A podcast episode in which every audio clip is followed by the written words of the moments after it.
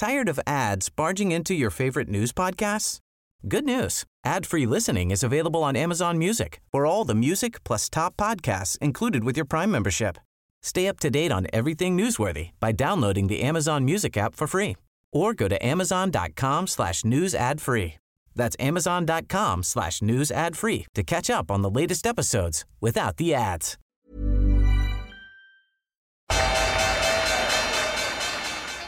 They mistook leverage for genius. Leverage for genius. I would recommend Japan. The governments don't rule the world. Goldman Sachs rules the world. Velkommen til en ny episode av podkasten 'Tid er penger'. En podkast med Peter Warren. Vi er kommet til episode nummer 69. Og i dag er det ganske mye å snakke om. Vi kommer selvfølgelig til å touche ørlite grann innom koronaviruset, men det er, for, det er en situasjon som utvikler seg fort, så det blir vel ikke så mye mer sånn overordna. Og vi skal snakke litt om eh, diverse temaer, så vi har en håndfull tema. Men jeg tror det kan bli en interessant podkast i dag. Eh, før vi starter, skal vi presentere eh, vår samarbeidspartner helt fra dag én. Så når vi utvikla podkasten, så gjorde vi det eh, delvis pga. at IG var med som samarbeidspartner. Og, og, dem, eh, og da var det jo si, løse lufta, og vi visste jo ikke hva vi kom til å få. Og eh, jeg husker når vi hadde det møtet med IG første gangen, så sa jeg noe sånt som at eh, At jeg tror at den uh, si, spredninga av trading, altså den ideen om trading, som da var egentlig lå helt dødt i Norge Og det som var min grunnidé, var at det, å snakke med, med deg å snakke med Peter, jeg snakket til den uh, uh, Sitter på Instagram eller noe sånt. Men å, å snakke med deg om trading har i alle år liksom virkelig vekka meg til å være en ikke-praktiserende jeg jeg vil, omtale meg sjøl som kanskje vet litt om trading, da, på tross av at jeg ikke trader sjøl. Og det jeg trodde, var da at, um, at veldig mange var interessert i å, å, bygge opp en sånn kunnskap og gjøre det. At mange var interessert i den type investeringer. Og det var det, var det pitchen til IG, da. Men det var jo dem som kontakta deg først, og så var det sånn det starta. Men, ja, det startet med at jeg men vi hadde jo snakka om det. Det starta Ja. egentlig med et radioprogram. Men, uh, og de er med fortsatt. Og vi er nå snart uh, samarbeidet med dem i tre år, så bare, jeg bare kom på det nå. Uh, vi har samme introduksjon omtrent hver gang, så um, Og da kan jeg ta den introduksjonen, som er at IG er en nettmegler for private investorer og tradere som er aktive i finansmarkedet. Uh, det som skiller IG fra kanskje andre ting, er at du kan handle døgnet rundt. Du kan handle alt fra aksjer til kryptovaluta. Uh, veldig enkelt og greit. Det er like lett å gå long som short. Uh, og du kan handle like lett fra mobilen. Uh, I tillegg til norske aksjer kan du handle utenlandske aksjer. Long short. Du kan handle uh, råvarer, eksotiske råvarer også. Du kan handle valuta, statsobligasjoner, og som nevnt så er det å gå short like lett som å gå long. I tillegg så har du muligheten for å belåne posisjoner, som gjør at du kan gjøre kortsiktig trading med betydelig gevinstpotensial. Eh, du kan åpne et konto ved å besøke uh, ig.com no. Så uh, Og i tillegg så har de det nye produktet som heter Turbo24, som er notert på den tyske MTF og reguler regulert av Bafin. Og det kan du også handle døgnet rundt. Det er en av de tingene som gjør at det er mulig å handle døgnet rundt. som er en warrant. Um, vi har for litt under et år siden så var vi i Stockholm og snakka med Erik Hansen fra EG Markets. Her er et utdrag fra en av de samtalene, og det spilles i sin helhet i slutten av episoden. IG står for Investors Gold. Uh, vi började då erbjuda handel i guld uh, på, på 70-talet. Det var svårt för privatpersoner att få en exponering mot guldet. Uh, och sen dess har vi breddat utbudet. I, I Skandinavien då vi en derivatprodukt som heter CFDs. Och då kommer man i kontakt med aktier, index, valutor, råvaror, kryptovalutor också då, som varit populärt den seneste tiden. Ja. Da er vi ferdig med å gå ned memory lane om hvordan vi starta podkasten Mhm. for tredje-fjerde gang. og eh, ja. Du har fått en Eller vi fikk en klage fra en uh, lytter. Ja, det var, ikke, det var ikke en klage, men det var en, en riktig påpeking. Uh, og det var at jeg nevnte jo i forrige episode uh, Fama French uh, faktormodell. Og, og, tok med momentum. Og han påpekte da at Fama French, som er helt riktig, hadde ikke momentum i sin det var, den, den fjerde faktoren var faktisk Mark Carhart som var, eh, i, som var CEO i kvantavdelingen til Goldman Sachs, som la til. Han la til uh, momentum. Så Eirik Grov, som han heter, det var helt riktig, og det skal han ha for. Det er, det er viktig at vi blir rettet, rettet på når, eh, når, vi sier noe som er feil. Det var jo faktisk ikke det jeg tenkte på når jeg sa kritikk, for det var en som har kritisert oss. Og ja, du, du, tenkte på han som mente at vi ikke var bullish nok, eller snakket øh, snakket opp Tesla? Ja, det han mente var vel at uh, det som Fox News kaller fair and balanced, ja. uh, som er da at du skal som journalistisk organ skal vise uh, gi begge sidene like mye tid. Nå er jo ikke vi et journalistisk organ, Nei. og vi har gjort et spesifikt forsøk på å ikke være det også. Dette er meningsytring i mest, ja, mesteparten ja. av tida. Men jeg, jeg, tror at, og som jeg sa til, eller skrev tilbake til han, um, litt om altså, hva vi forsøker å være. Altså, vi, vi forsøker å, å, komme med nettopp ting som motargumenter. Altså Når alle har, er overbevist om, om, noe, så forsøker vi å komme altså hvis, det, er, det er ikke noe vi, vi, tilfører ikke noe verdifullt hvis vi, hvis vi uh, joiner hylekoret og, og sier, sier, akkurat det samme, men har vi en berettiget eh, annen oppfatning, så føler jeg at vi kan, vi kan eh, add value. For da kan folk da se, et, eh, se en, eh, en, annen mening og, og, se andre eventuelt fakta enn det de har blitt presentert. Så vi er jo på en måte Du kan godt si at vi er kontroversielle av, av natur, men det, jeg føler at det er hele poenget vårt. Hele poenget vårt er å fortelle folk noe forhåpentlig som de ikke allerede vet eller gi en vinkling til noe som de ikke har tenkt på. Det er det vi forsøker å gjøre. Så at, eh, så jeg sa når det, når det, gjelder akkurat Tesla, så viser jo markedet hva, hva, hva, konsensus er. Markedet har alltid rett. Så mar markedet har jo, har jo, pushet den der aksjen oppover. Markedet har rett i henhold til prisinga her og nå. Når man snakker om de større linjene, så vil det jo ta tid og stunder for for at man klarer å finne det. Men markedet har rett i forhold til prisinga her og nå. Ja, nettopp her og nå så er det jo markedet som, uh, så, som, gjelder. Og du kan si at du kan Og det har vi jo gjort også. Vi har jo ment Og jeg, jeg har vært short Tesla ved, ved, et par anledninger selv også. Um, men pusher markedet oppover, så, du, så, må du innse at det er markedet At the end of the day så er det markedet som, som har rett, fordi det er det som bestemmer om du kommer til å tjene eller tape penger på det. Og, og hvis du er short og dette går mot deg, så må du, må du gjøre noe, eller, eller ta tapet rett og slett. Apropos at vi eh, går etter saker som andre ignorerer, eller kanskje går motsatt vei. Det er ikke noe vi altså, Begge to har litt like syn på livet. Jeg kanskje har vært etter mange år blitt påvirka av det, men det går kanskje begge veier. Jeg vet ikke hvor det starta. Høna jeg eh, generelt har prøvd å gå mine egne veier, og du har alltid gått dine egne veier. Eh, på godt og vondt. ja, ja, for all del. og eh, man, eh, man, I tilfelle Tesla så vil man jo hisse på seg veldig mange, fordi at det er opplest og vedtatt. Helt fantastisk. Men det, det gjelder jo ikke bare det.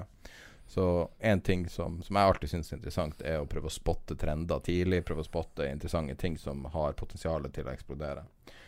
Og, og, vi har jo en chat, hvis du går på tiderpenger.com, så har vi en chat som ligger der. Og den kan du også få direkte på f.eks. telefonen via hvis du laster ned Discord og, og og, uh, legger inn det der. Uh, og siden jeg, jeg bare spolte noe til uh, scrolla opp for å finne ut når vi begynte å snakke om um, den her influensaen i uh, Kina. Mm. og det var på torsdag.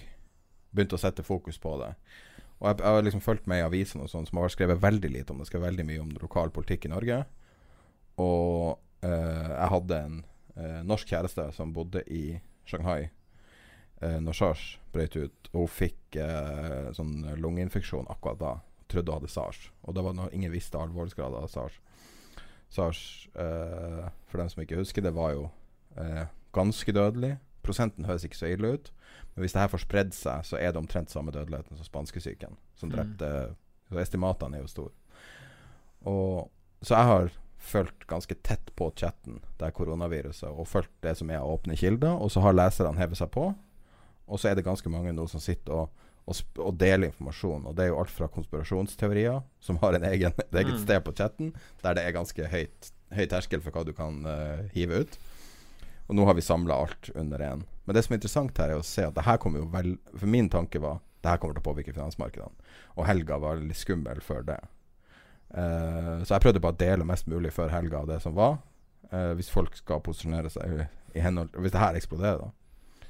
Uh, og jeg syns at Litt sånn stolt av å se, når jeg åpner discorden og ser da all den diskusjonen rundt det, all den informasjonen som er kommet ut fra eh, lyttere, da lesere her i dette tilfellet, og eh, der du virkelig får en oversikt over saken. Og hvis jeg da går og leser aviser, så står ingenting av det her. Det er så langt bak norske Mm. aviser. Da, Ja, Så kan du gå på, på Twitter og søke og få all mulig informasjon. Men jeg syns den informasjonen som samles her, er ganske høy kvalitet. Dog selv konspirasjonsteoriene har høy kvalitet. og og eh, bare, bare interessant. Det var bare interessante ting som Liksom ref å gå og prøve å spotte trender og alt sånt. Du vil jo ha feil ofte. Men hvis det her skulle snu, virkelig snu markedet Altså det her er jo en svart, svart svane av liksom, Mm. klassisk forstand. Det her kan jo virkelig, virkelig stoppe. Ja, altså Vi har jo snakket om, og folk har jo spurt ved, ved mange anledninger, at, at hva er det som skal til for å tippe markedet. Og, og hver gang så har vi jo svart akkurat det samme. Vi vet ikke hva som skal til å, å, å, tippe markedet. Sannsynligvis vil det være noe som vi ikke har tenkt på. Og denne her vi, var jo helt uaktuell for kort tid tilbake, men sørget i hvert fall for en sell-off både i, i aksjemarkedet og i, um, i, uh, og, ikke, ja, og ikke minst i oljemarkedet på, uh, på fredag. Nå snakker jeg om det amerikanske aksjemarkedet. Så det er tydelig at man begynner å bli opptatt av det. Og det er klart at hvis det kommer en epidemi altså som, som eksploderer, og vi vet jo allerede nå at det, det er dukket opp tilfeller, de, fleste riktignok i andre asiatiske land, men det er også øh, sett tilfeller Jeg mener Finland, eh, Frankrike, USA. Altså Hvis dette tar litt for, for seg, så vil det jo få ganske kraftig innvirkning på økonomien. Det er ingen tvil om. Altså, folk i Shanghai som er ganske langt unna Wuhan, Beijing og de områdene som da begynner å se utbrudd. Det er ingen som går ut døra. De sier folk som bor der, Ja. folk går ikke ut i gaten. Det er helt tomt i gaten. Vi er midt i Chinese New Year.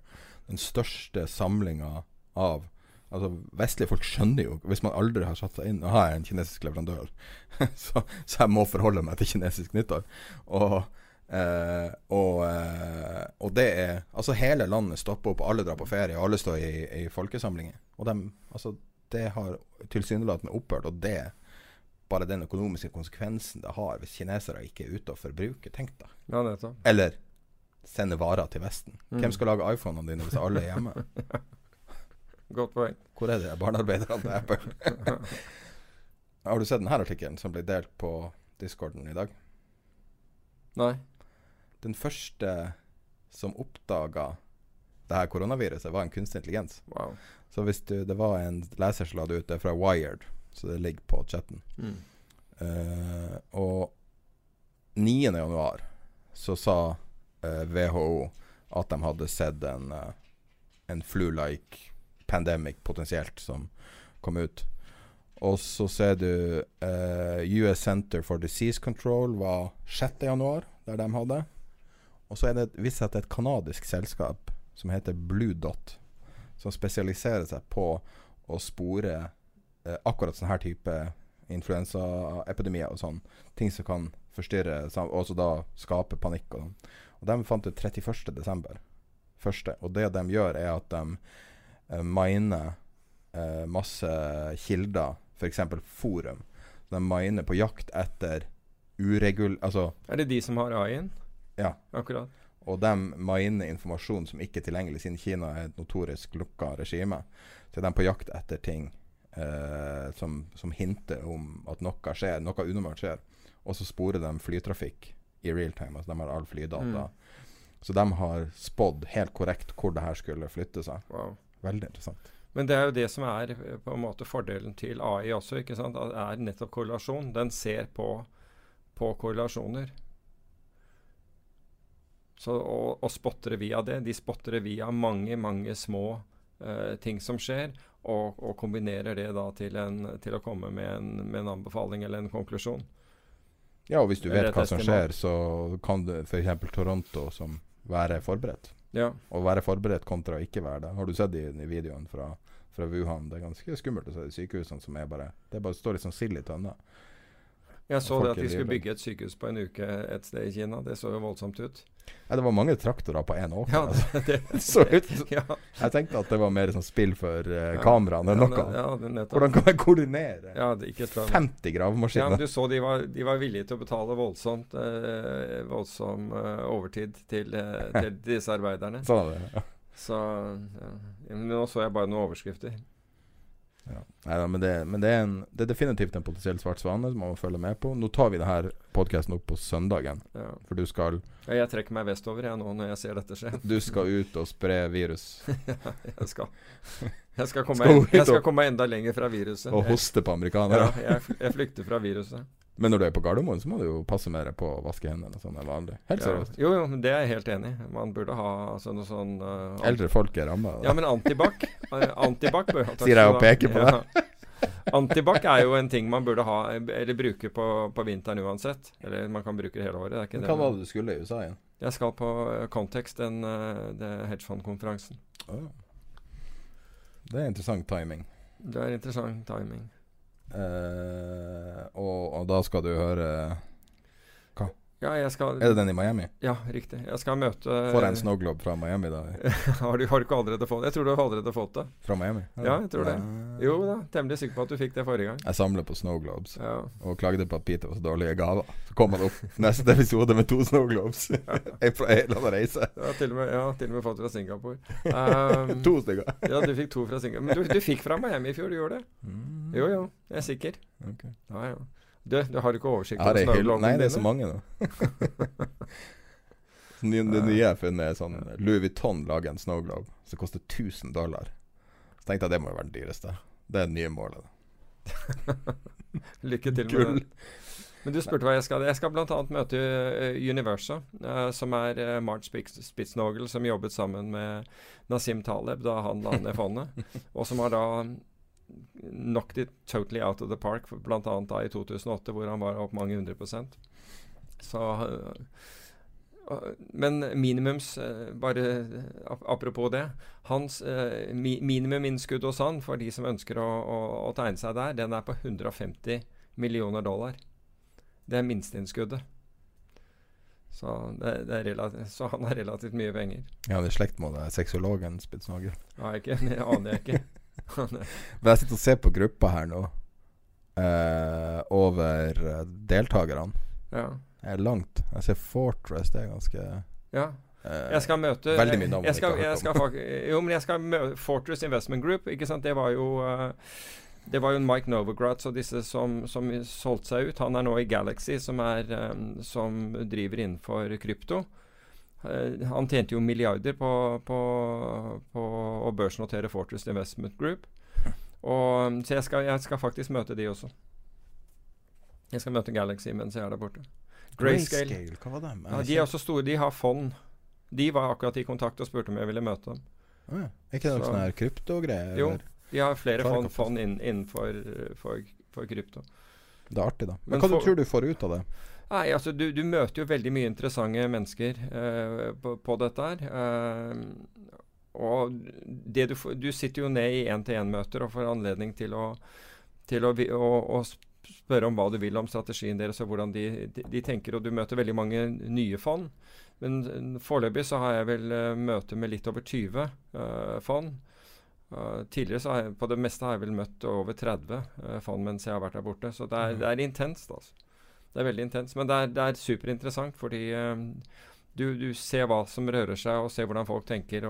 Men sektor spesielt- ikke dit. Det overrasker meg. tror, ikke- tror ikke det, er, det er ingen norske fond der borte. Men ikke på lista. nei. Jeg tror jeg har sett et norsk fond, eller det er ikke norsk fond engang, det var Titan Opportunities. Um, Ja. Er de fortsatt? Eksisterer de fortsatt? vet ikke. De har ikke levert resultater på lenge, men uh, Var ikke det de som ikke. hjemmesida forsvant? Eller? Det aner jeg ikke. Men uh, jeg vil vel tro at de fortsatt uh, eksisterer. De har jo sterke sterke backere gjennom uh, Ubon Partners. Ja, de ser ut som de, er, de eksisterer fortsatt. Men ellers så har jeg, tror jeg, har jeg aldri Svenska har jeg sett der borte. De slutta å oppta medieomtalen i 2018. Ja. Det- Men eh, er du der for å investere i hedgefond? Altså, det er jo det man skulle tro at Jo, det også. Det også. Så jeg er heldig og blir invitert på dette her, så Og det er en av de uh, Altså, jeg uh, I løpet av et år så er jeg vel på, på, på, på tre. Denne her er den ene, og Goldman Sachs er uh, den andre. Og så har jeg vært på, på den som sektor og har i, har i Oslo. Ja. Som også er veldig bra. Er det noen som du virkelig Altså som nummer én på lista du skal møte? Nei, altså jeg vil jo si at Universa var, eh, lå høyt oppe på, på de jeg kunne tenke meg å, å, å møte. Um, men, uh, Men det er litt som å være på en sånn messe, sånn her boligmesse. Det, er- når du ser den lista, det, det er mange å velge mellom. Det er veldig mange å velge, velge, velge mellom. Jo, men poenget er at du velger strategier. Du kan si at det som kredittfond Altså fond som, som driver innenfor kredittobligasjoner, og som startet eh, de siste to årene eh, og, og viser til bra resultater. Det? Når, når kredittspredden har gått kraftig inn og alle har tjent penger, det er ikke de jeg ville prioritere, for å si det på den måten. Så du må jo Så Jeg ser det Tudor skal komme. ja, ja. Tror du han kommer sjøl? Aner ikke. Husker ikke hvem det er som er der fra, fra Tudor. Det er Paul Tudor Jones, altså. Men Ja. Superduperstjerna. Nei, men det er jo helt vanvittig liste. Vi deler link til den konferansen i, eh, på Facebook og i eh, den eh, beskrivelsen av podkasten som er knytta til. Så Ja, det er en interessant Det er, det er intens, interessant konferanse. Du møter, altså, du møter mange du kjenner, og, og det er en sånn, du, en sånn du, catch up-sak samtidig. Gary Cohn skal tale. Var, det, Ja. han- var det han som jobba for eh, Donald Trump, eller var det noe Jo, det er helt riktig. Det var, da talte han i fjor ja, også. Ja, han var der ja, i fjor også. Mohammed Al-Arian var der også i fjor. Elaine Murray var der i fjor. Hun var jo, hun var jo da sjef for Bridgewater. Hun har senere forlatt Bridgewater. Så Mohammed El Arian. Han, han eh, bruker jo ofte å ha god er inspirerende taler. Ja, veldig. Veldig. Um, hva han heter? Uh, Man of All Markets. Hva, hva heter den? Uh, Ed Thorpe var jo der et år og hadde en sånn fireside uh, chat. Der Han, ser du for eh, øvrig Michael Novogratz der. Ja. Ja, han har jo Mr. Bitcoin. Ja, men du kan si at han Egentlig så er han ikke, Han har jo bakgrunn fra Goldman uh, og, og macrotrading før det.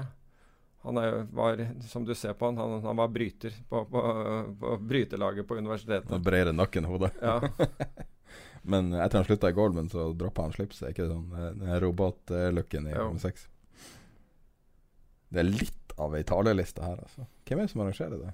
Er det et eget det er kontekst. Altså, eh, før kontekst så var det Alphametrics som hadde denne her. Det som var i Monaco?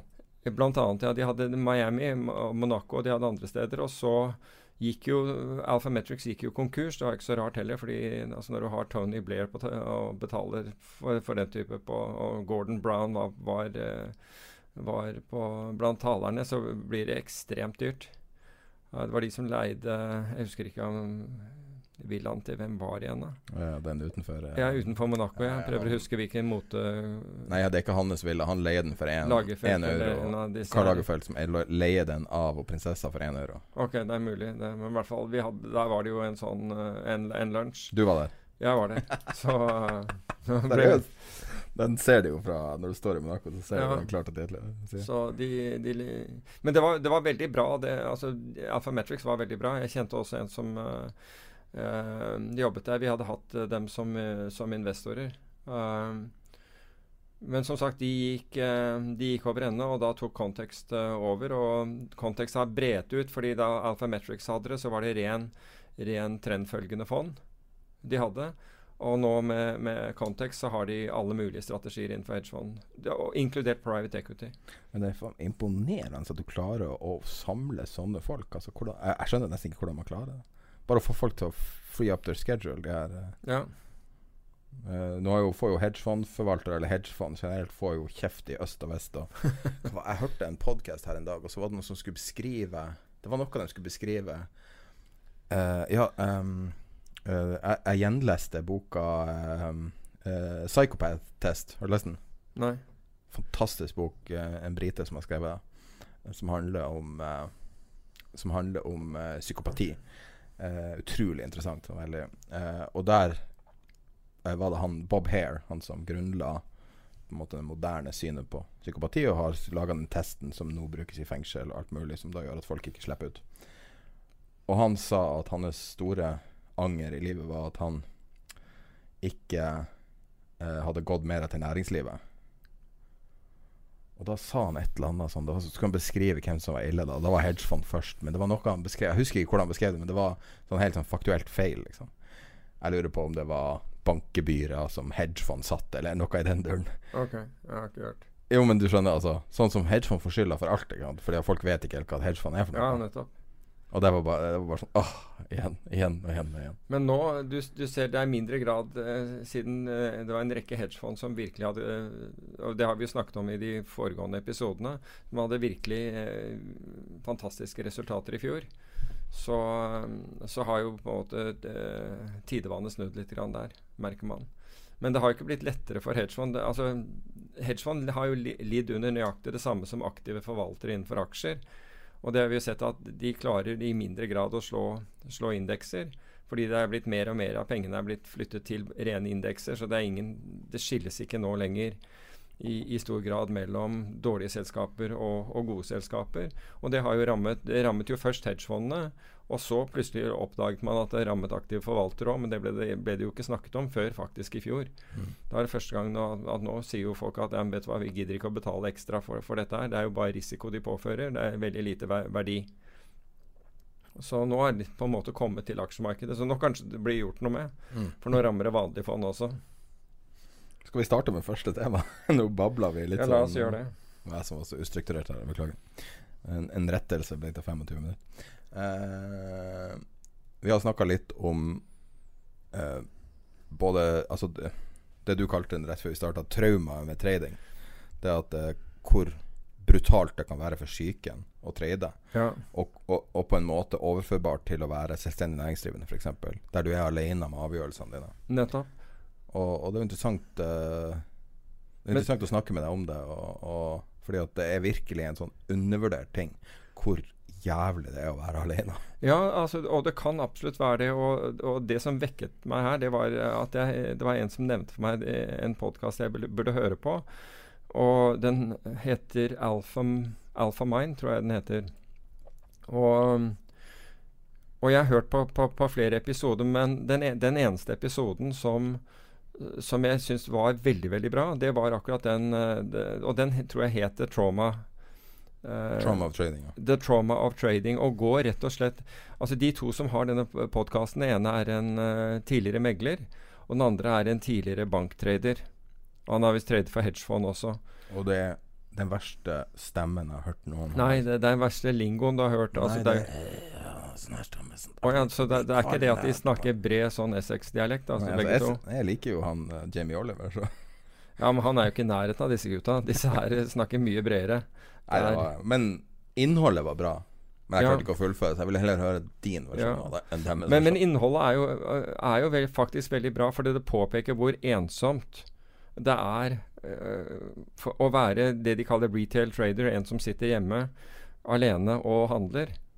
Um, og det skal man ikke undervurdere. Fordi når du sitter i et dealingrom, så har du alltid mange rundt deg, og det er mye som skjer. Og du deler på risikoen. Hva sier du? Ja, du deler jo på risikoen til en viss grad. Når du er i et selskap. Ja, altså hvis du sitter i et selskap, så, så er du gjerne lønnet for å være der.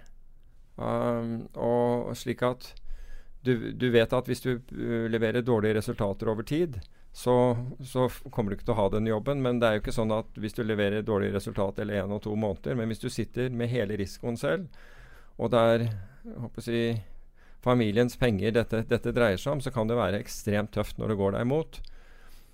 Og de, det de gjør, er jo rett og slett belyse den, den traumen du er under, og alt det som, det som skjer med deg da, når du du, altså Dette skjer med deg uansett. altså Hvis du har mange tap på rad f.eks., og kommer inn i en dårlig periode, så er det jo veldig fort gjort å begynne å tvile på seg selv. Og, det, og det kan, ut fra det så kan du utvikle all form for selvforakt. Um, Og det er en tøff periode. Og det er, veldig, det er tøft å sitte i et dealingrom også, det kan jeg love. Altså, det er tøft å sitte i et dealingrom hvis alle rundt deg vet at du taper penger. Det, det en, du føler deg ganske ensom der også, men du har i hvert fall folk rundt deg. Og du, hvis du vil si noe til noen, så, så, kan du gjøre det. Men hvis du sitter alene, som veldig mange gjør hjemme, så, jo, så har du ingen å dele med. Og hvis du har hatt et tøft eller et stort tap, så er det kanskje ikke noe du ønsker å dele med noen uansett. Og så er det hva, hva er det du kan gjøre med disse tingene. Men det har litt også med forventningene jeg tror folk har til å drive med, med, med trading og investering for seg selv.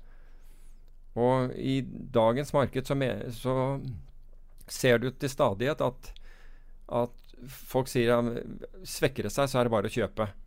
Det er ingen problem. Hvis det går ned, det kommer alltid opp igjen. By the effing dip. Ja, ikke sant? Den har vi hørt om, om og om igjen. Og, og, jeg tenker jo at det der kommer til å lede til en katastrofe til slutt. For det er såpass mange som har gjort det der, at de er blinde for risiko. Og når risikoen først melder seg, så tenker, altså når den først melder seg for alvor, så, så er det over. Da kommer du ikke til å reagere. Og så er det de tingene du kan gjøre da for å forbedre denne situasjonen. For du må forstå at du er under mye press når du holder på alene. Og jeg tenker jo at av, jeg tenker sånn der, hva er, jeg, hva, hva er, det jeg, ville ha visst eh, at noen skulle fortalt meg før jeg begynte å, å trade? Og, hvor, og det, den tingen som slår meg, det er det at mulighetene som kommer, er ikke uniformt distribuert. Med andre ord, det kommer ikke tre muligheter eller fire muligheter eller fem muligheter eller en gang én i løpet av en dag nødvendigvis. Det kan være at du må sitte i dagevis og stirre på skjermen uten at noe som helst skjer. Burde man sitte og stirre på skjermen? Ja, så Det kommer jo an på hva Du er jo ute etter å få å finne de mulighetene, så du er redd for det ikke uh, at de skal gå deg forbi. da. Og så kan du si at det er visse tider på dagen hvor det er flere muligheter, eller i hvert fall ofte gir seg flere muligheter enn andre. Og det er akkurat i, i perioden hvor, hvor, Asia går hjem og Euro, Europa tar over. Og når Europa går hjem og USA, eller koblingen mellom eh, Europa og USA kommer inn i markedet, da er det ofte mer bevegelser. Og closen i USA er vel også noe bevegelse? Ja, altså jeg, jeg ser ikke Gjør ikke mye på den. Det, det er ganske sjelden at, uh, at, den, at jeg har klart å finne ting som uh, Altså ubalanser akkurat i closen, fordi der er du på klokken. Fordi hvis du ikke når den, ikke sant Altså hvis, uh, hvis du trader futures, da Eh, trader aksjer, så stenger jo det klokken ti. Så sitter du med en posisjon, og, så, så, blir du på en måte klemt mot den klokken hvis du sitter litt feil. Hva skal jeg gjøre hver, hvert eneste minutt? Og til slutt så blir du liksom tvunget til å gjøre noe. Og hvis du er på feil side av markedet da, så, det, så, så kan du og, og, og, trenden er den andre veien den dagen, så kan det gjøre vondt i, akkurat i, i, i closen. Så jeg er ikke noe glad i det. Men er ikke det meste av beveg... Altså tenker jeg, Du vil jo så, kanskje ikke sitte over natt med posisjoner? Nei, jeg kan gjøre det av og til. Det kommer litt an på hva, hva jeg gjør. Over helg også? Uh, ja, altså jeg, i, i, lange posisjoner eh, som tas, blir, jo det. Men, jeg spurte jo eh, deg på fredag om du hadde tenkt å sitte short over helga, ja, basert nei. på risken med om det her skulle eksplodere, den her uh, China-fluen. nei, jeg, jeg, gjorde ikke noe som nå, som nå er over, uh, over helgen, men, uh, men, jeg tradet i løpet av, av fredagen, og da tradet jeg SMP Altså, jeg, jeg trader jo egentlig fire ting. Og det er uh, eh, SMP Futures, jeg trader oljefutures, jeg trader uh, gull, men det har vært ganske lite i det siste. Og jeg trader uh, tiåring amerikanske uh, ten year futures. Altså norske penny stocks. og ikke norske penny stocks. Men, for der er det likviditet. Um, det er ikke ubegrenset likviditet i, i, i olje, men så der skal man være litt forsiktig. For det kan bevege seg veldig, veldig fort. Trader du gull via GLD eller via Futuren? Futuren. Er det kostnadsspørsmål, eller hva er årsaken? Nei, det er bare fordi de, altså future-markedet, GLD, trader av futuren. Jeg trodde det trader altså Det er sånn du, tar, altså sånn du har fysisk underliggende? For futuren er jo fysisk underliggende? Den har fysisk underliggende, ja. Okay. Så hvis du, hvis du, er long og sitter til, uh, til forfall der, så, så får du gull mm. levert. Om ikke på døren, så til, en, til, en, uh, til et hvelv. For almost 25 years, I earned my living as a professional trader. It was a fascinating job that I loved. But there were times, too, when it wrenched the living soul and every ounce of self esteem from me. The advertisers and gurus won't tell you that. Nå er du litt guru, da. Nei, men, Bare at du ikke selger noe. Ja. Men altså, Nei, men, jeg, jeg kan godt fortelle deg liksom hvor, hvor Altså, jeg har jo opplevd det, det meste i løpet av de der eh, årene. Og, og, og jeg tror det er med det som det er med veldig mye annet, det er at du, du, før du går inn i en trade, og, etter, og når du er inne i traden, er to helt forskjellige ting. Så de som driver med papirtrading og, og, og tror at de skal klare å replikere det når de har ordentlige posisjoner, så vil de, det kan jeg garantere at de ikke gjør. Fordi det du så på som en opplagt sak i det ta, rett før traden, med en gang du har traden på, så begynner du å tvile. Med en gang du har traden på, så blir, blir du påvirket av en hel, hel del andre faktor, faktorer. Og, og det er vanskelig å holde disiplin. Men det som er det viktige i dette her, det er på en måte å ha Altså hvis du skal bestemme deg reglene for, for, for handelen din men det, men det som er vanskelig, det er, det er jo når, når det uforutsette skjer. Og saken er, hvis det skjer fort, eller det skjer voldsomt, så er det, van, så er det nesten umulig for deg å, å forholde deg til hvis du ikke på forhånd har bestemt en plan. Så den planen må på en måte være skrevet ned på forhånd hva du skal gjøre, og, du, og, og så må du bare eksekvere den. Det er som en hvilken som helst drill i andre ting. altså Det er som en drill hvis det brenner i, i huset, eller eh, en drill hvis du blir angrepet i militæret, hvis du går inn i et bakhold. De drillene må sitte.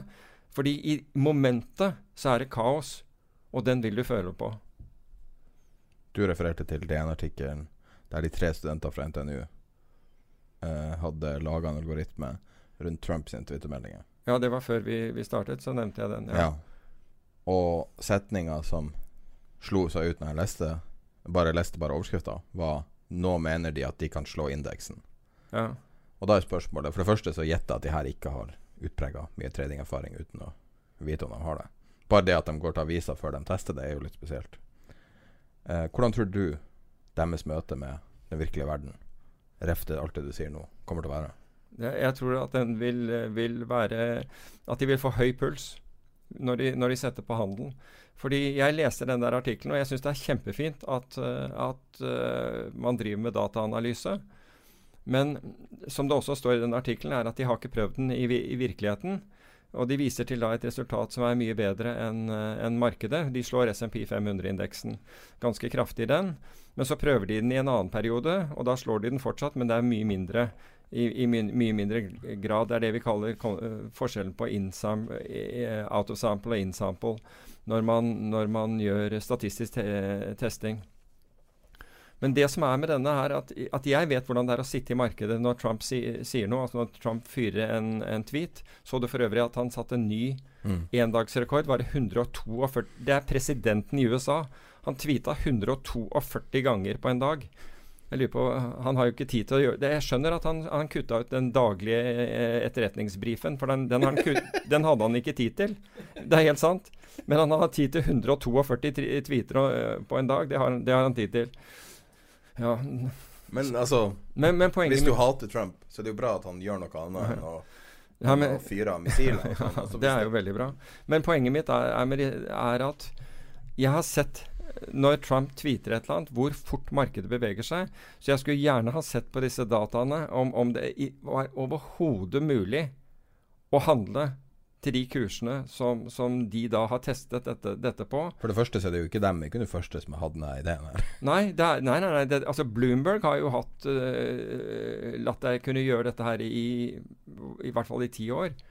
Men, men, når det gjelder, men da har man gått på, på, på ting som står i media, eller ting som står på Twitter osv. Og, så og det er mange fond som driver med, med dette her. Men felles for dem er at det, de er ultra, ultra raske. Altså Her snakker man om å ha maskiner co-located, altså ved siden av, uh, av matching-maskinene til, til de ulike børsene. Men ikke bare det, du må jo ha side, altså du må jo ha tilgang til firehosen til Twitter. Du må jo ha en eller annen direkte til For at du må, jo være, du må være så tidlig. Du må være ufattelig tidlig. For hvis du ikke er det Altså, jeg har sett dette, og det, det går så fort, og det er null likviditet. Men vil, øh, hvis jeg skal nå tegne i lufta hvordan jeg tror en bevegelse er på i, en av de her tweetene som er Så er det opp, og så rett ned igjen. Og den bevegelsen der Og så kanskje fortsette den opp eller ned.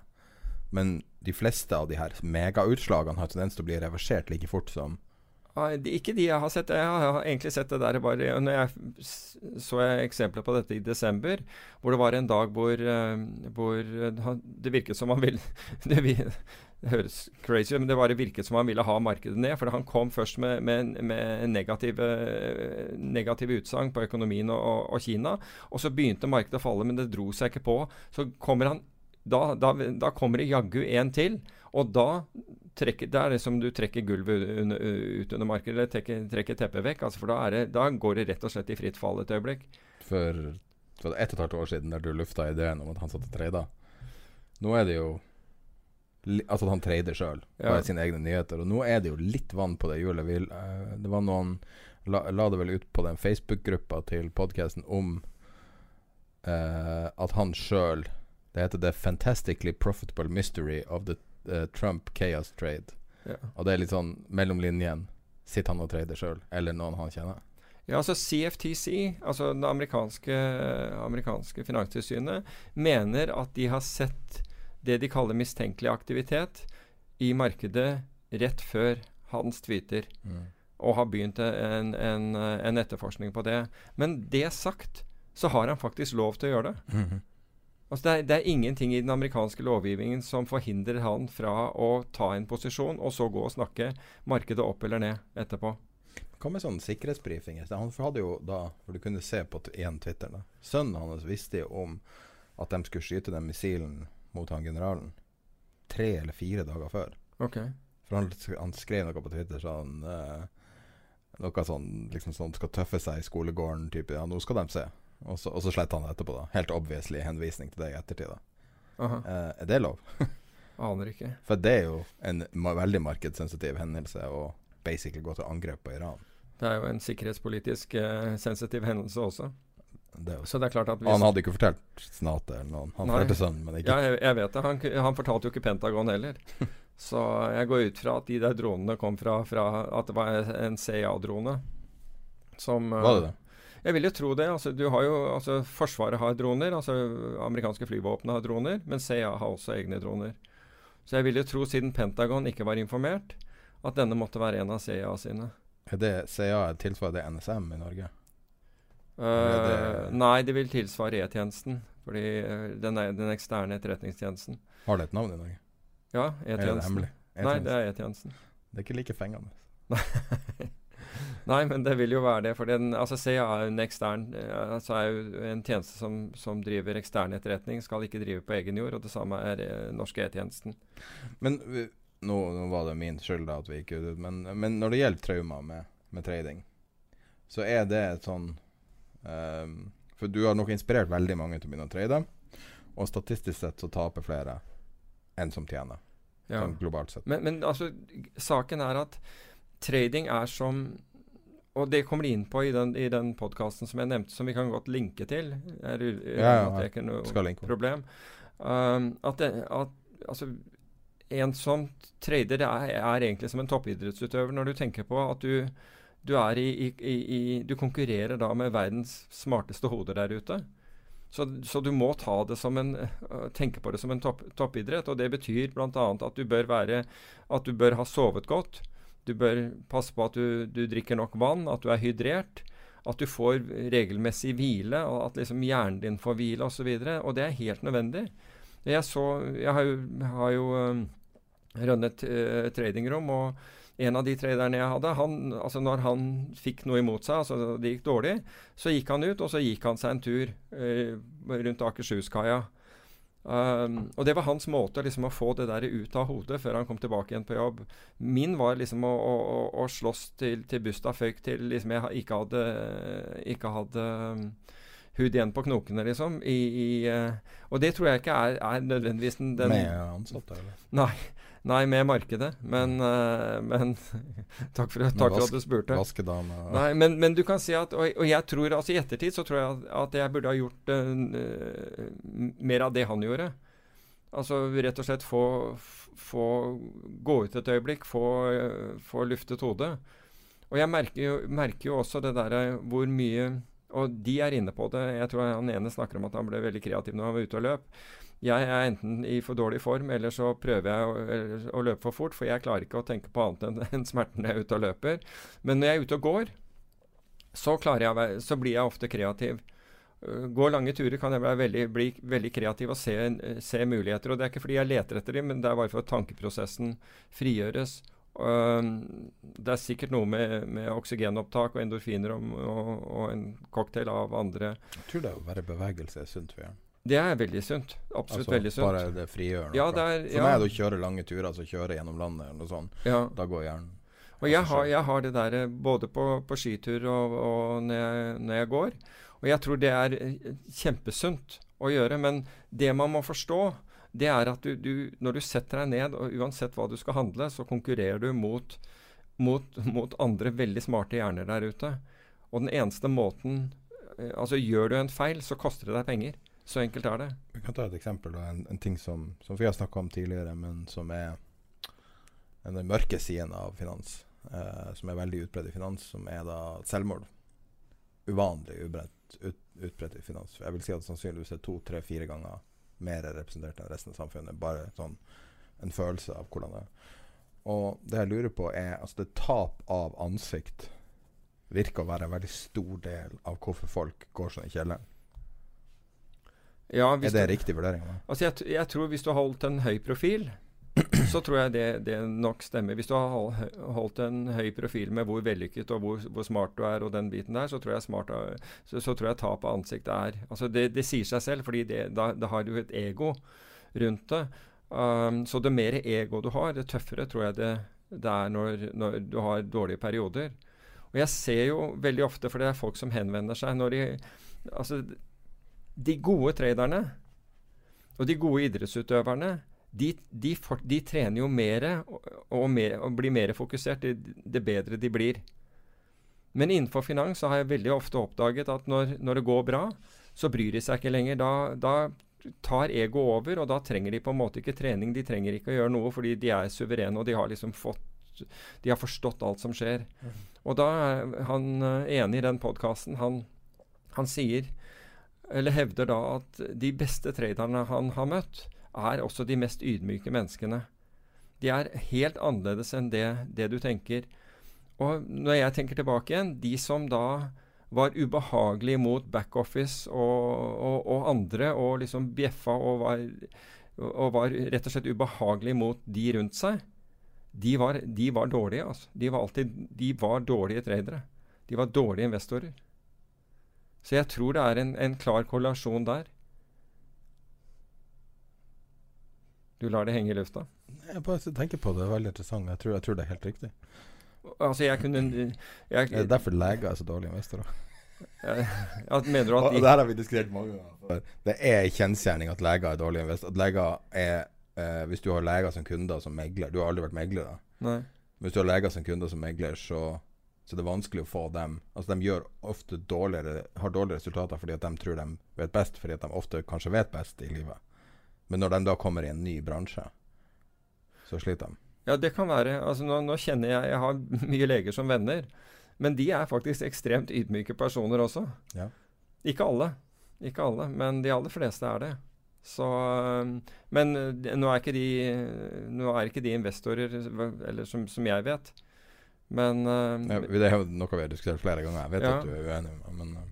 Men, men, jeg tror, altså personligheten din er jo, er jo, klart at du kjemper jo mot deg selv. og du kjemper jo, altså Ingen har jo lyst til, å være mislykket i livet eller føle seg mislykket.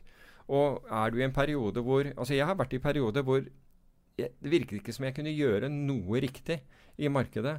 Det jeg kjøpte, gikk ned. Det jeg shortet, gikk opp. Mm. Det, det virket som altså, ver, altså det, ville, det, var nesten så jeg trodde at det ville aldri gå altså Det jeg kjøpte, ville aldri ha falt hvis ikke jeg hadde kjøpt det. Altså, du er der. Og det er jo akkurat den følelsen er jo veldig vanlig. Å zoome inn på en aksje. Og så begynner det der at du begynner, begynner å gi, gi, gi, skylden på dette på alt annet enn deg selv. Konspirasjoner og ja, roboter. Men, jo, men du kan gi skylden på hva? Du kan gi skylden på markedsplassen, du kan gi skylden på alt. Men at the end of the day så er det deg. Altså Hvis markedsplassen, hvis du mener at en markedsplass er tiltet mot deg, så, så slutt å handle på den. Så enkelt, så, så enkelt er det. Hvis du mener at en megler utnytter deg, og at, at, at du får dårlige kurser, så finn en annen. For det er også ditt ansvar. Mm. Men, du kan ikke, men du kan ikke fortsette der hvor du gir andre skylden og tro at liksom alt er, er At det er en konspirasjon mot deg, for det er det sannsynligvis ikke. Nei, det er jo en veldig vanlig ting. Folk hevder at det er et eller annet, et eller annet konspiratorisk med dem som er uenige med deg. Men så vidt jeg vet, så har det nesten aldri skjedd i finans. Det fantes jo i Løk Futures var det jo en konspirasjon. Som derfor Løk Futures fortsatt er ulovlig. Men det har jo vært markedsmanipulasjon i finans også. Det, altså Ja, men det er og Ja, Ja, men det var jo på tidlig 80-tallet. Ja. Som vi har tatt opp flere ganger. Og, men altså det er jo også fu- Futures-markedet kan du cornere markedet. Det er jo en viss grad en, en konspirasjon. Men det er jo det som er så fint med finans, er jo at det er price discovery. Det er jo det hele bransjen Altså Spesielt aksjemarkedet handler jo bare om price discovery hele tida. Finne Ja. den riktige prisen. Og om folk Og så bruker folk å si Ja, ja, men det er shorterne. Alt er shorterne. Men short, folk som er short, folk som kjøper opsjoner, folk som driver et long only hedgefond, folk som er teknologer det, Alle er jo en del av denne dammen nettopp. som utgjør aksjonærbasen, som bestemmer hva du kjøper og hva du selger. For at til syvende og sist så må jo noen selge en aksje for at den skal gå ned i pris for en lavere sum. nettopp. Det går ikke an å shorte ned en aksje. Det eksisterer ikke en mekanisme for det. Altså, du, du, du, kan jo, du kan jo forsøke å, å dundre på.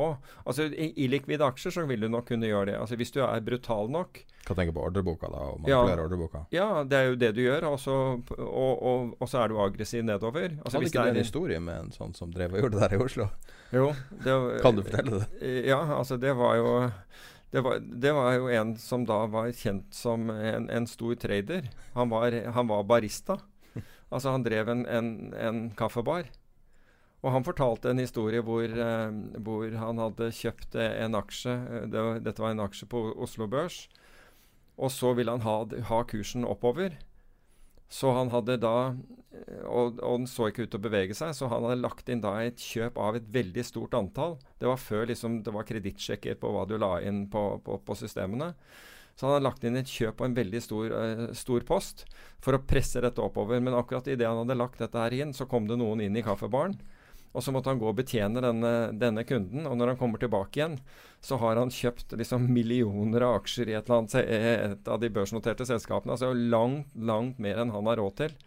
Men han hadde klart å komme seg ut, med, om det var med et lite tap eller, eller hva det var. Men han hadde Altså han eh, Altså, sjokket hadde vært enormt når han kom og så at han plutselig Å, herregud, dette har skjedd. Men når du hører de gamle, gamle garden av investorer som sier at det ikke går an å investere på Oslo Børs lenger, og robotene tatt over og sånn Det er jo Ja. sånne strategier de snakker om. da Nei, de, den strategien de hadde Nei, nesten alle de satt med en strategi hvor, de, hvor megleren fortalte om andre ordre som var i markedet. altså, de, de, det, var, det, det det dreide seg om, var rett og slett frontrunning av store ordre i markedet. Og jeg, jeg hadde kollegaer som ikke, ville, som ikke rørte markedet før de hadde snakket med meglerne for å, få, for å få flyten. Og flyten var rett og slett hva andre gjorde. Og så frontrønte man det derre. Og, så syns man- og, og, de gikk jo rundt og syntes de var kjempeflinke. Forsida av avisene og uttale seg høyt og. Ja, men altså, de syntes de var kjempeflinke når, når de tjente penger. Men tok, når, den, når den fordelen ble borte, og det ble den når, når utlendinger fikk adgang til å legge inn legge inn eh, egne ordre på systemet eh, fra, fra sine egne kontorer og ikke gå via norsk megler, så forsvant den fordelen. Og da så du plutselig at, eh, at roboter hadde ødelagt Oslo Børs. Men de som var smarte av de gutta som hadde tjent mye penger på det, de, trakk, de, de sluttet å handle på Oslo Børs og satt igjen med pengene. Mens de som ikke forsto at de hadde hatt en stor fordel, de tapte pengene sine. Jeg mener å huske den siste store fremtrøndinga som jeg hørte na- navngitt, var 2009. Tror du vet hvordan jeg refererer til det? Nei, jeg er ikke sikker på Ja, det var en veldig omfattende framtrening som ble gjort. Ok. Eh, så kanskje det er borte.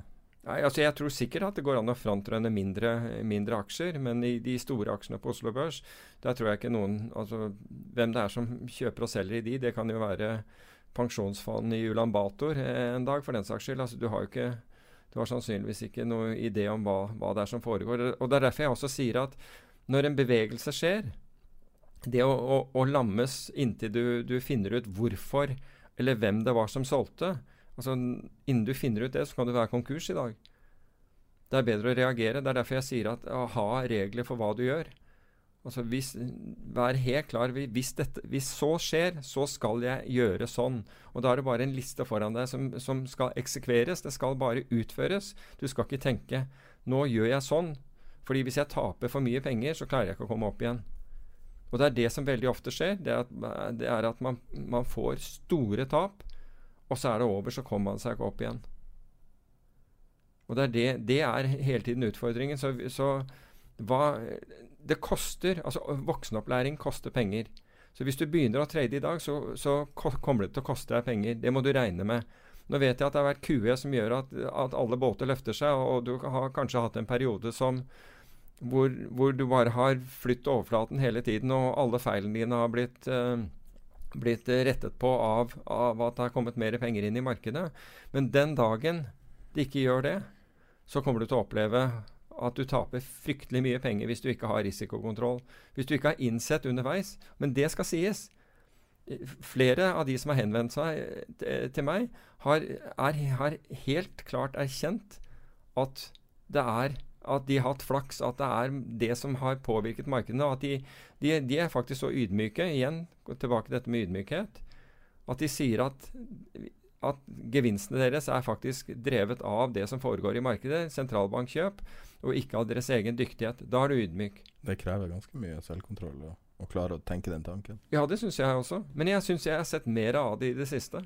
Før vi bytter tema, for jeg merker at du vil bytte til neste tema, det her er litt det vi skal snakke om, så har jeg lyst til å stille ett spørsmål, ref. gamle strategier. Tror du Spetalen har ø med den siste Når han snakka opp uh, den der uh, uh, minilagringsgruppeaksjen. Og så solgte han seg helt ut noen dager etterpå. Tror du han altså ødela konseptet um, bjellesau for alltid? For det fikk utrolig mye negativ omtale at, at, han da sa det ene og gjorde det andre. Nei, altså jeg, jeg tror at, at altså dette, dette er, er, jo noe jeg har, ikke, har, vel ikke sett han uttale seg om en aksje tidligere, og, og sånn som, sånn som uh, i dette tilfellet, og sånn som jeg også forsto det. Men av det jeg leste i avisen, så jo, ble han jo gjentatte ganger uh, bedt om å nevne en aksje. Og det er klart at Hvis noen folk maser på deg, så, så nevner du en aksje til slutt. Ja, nevner den du skal selge? Ja, da, det kan, ikke sant? Men, men jeg syns så Jeg vil bare påpeke at jeg tror han er et genuint geni. at han er flink, er ingen tvil om ut, altså, over enhver tvil at han er veldig smart. Ja. Men han har hatt en veldig spesiell rolle knytta til media. Han gjør noe, media skriver om det. Men det, det, gjelder flere, det, gjelder jo flere av disse uh, bjellesauene, at mange av dem utnytter dette til det fulle. Det, altså, det tror jeg bare er rett og slett kapitalismen i, i, uh, i, i omløp. Fins det noen igjen utenom han som har den, den effekten? Nei, det vet jeg ikke. Altså, jeg vet ikke hvordan folk reagerer på det, men Ja, Røkke har jo for så vidt hatt den effekten på rekk. Ja det, ja, det kan du si. Men det er jo også pga. at han er så pengesterk at, at han vil altså Han har en sånn sterk industriell rolle, og hvis han går inn i noe, så kan han også backe det her opp med Og Jon Fredriksen er en annen. Ja. Han kan backe det opp med så mye krutt Ja, det kan de. at det er ikke en bjellesau sånn sett. Nei, men jeg syns det, det, her, det som Finansavisen skrev, det var jo ganske interessant. At det, det man måtte forstå og når bjellen ringte, at det var, det, var, var liksom ikke det var ikke bjellesaueffekten man skulle tenke på, men at når bjellen først ringte, så, så, så ringte den inn for siste runde. Ja, at, mål, ja. ja den, den, syns, den syns jeg var god. Den syns jeg var utrolig ja, den, Jo, men den syns jeg var utrolig god. At hvis du nå skjønner at nå har du gått inn i siste runde, så nå bør du begynne å tenke på å komme deg ut. Det er ganske, den var ganske bra. Men altså, det er jo det er jo en gammel lærdom som er uh, by the rumor, sell the fact. Ja visst. Eller sell the news, sell the fact. Ja. Uh, by the rumor, sell the, sell the fact, ja. ja noe sånt. Uh, let your Og en annen ting som er fin, som er veldig vanskelig å gjøre, er let your winners run. Ja. Jo, men det, har, det, det, går tilbake til hvordan du er som person. Altså hva du Ikke sant? Altså hva, Hvis du ser på alle, alle av gode uh, idrettsutøvere de jobber jo med sine svakheter. og Det har du Tiger Woods som da endret slaget sitt, og du har mange mange eksempler på det. Tiger Woods enda måten han heia på. Han, uh, han var veldig fokusert på å kun juble når han gjorde det bra. Men han jubla veldig mye uh -huh. for å få en sånn uh, reinforcement i Og han hadde ingen reaksjon når han uh, bomma på noe. For å gi kroppen en sånn reinforcement. Ja. Så ja, sorry. Ja, men det, det kan godt hende, det, for å gi en, en, en dopamineffekt eller et eller annet Ja. sånt rundt det. Men det er å jobbe på det man er svak i. Så du kan si at hvis man Altså, det ene er at du vil trade litt grann som er din natur. Sånn vil, vil, vil folk trade. Og det, derfor så, så reagerer folk helt forskjellig på, på akkurat samme, samme nyhet. Fordi noen vil gjøre sånn, vil, og det vil være i forhold til deres na natur.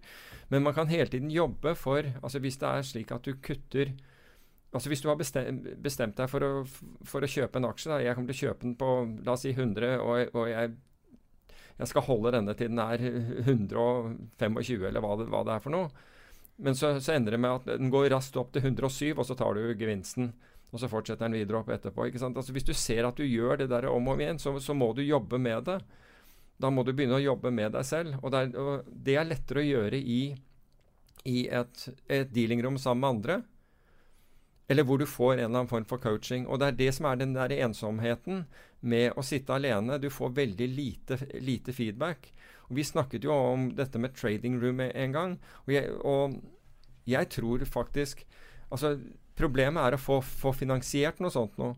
Men eh, Ja, kan vi si hva, hva det er vi snakka om å uh, ta initiativ til å sette opp et rom av et eller annet slag i Oslo? Uh, der du supplier datamaskiner, skjermer og kanskje en Bloomberg. Og, og folk kan komme og trade der sammen, altså gjerne kanskje på Mm. en plattform.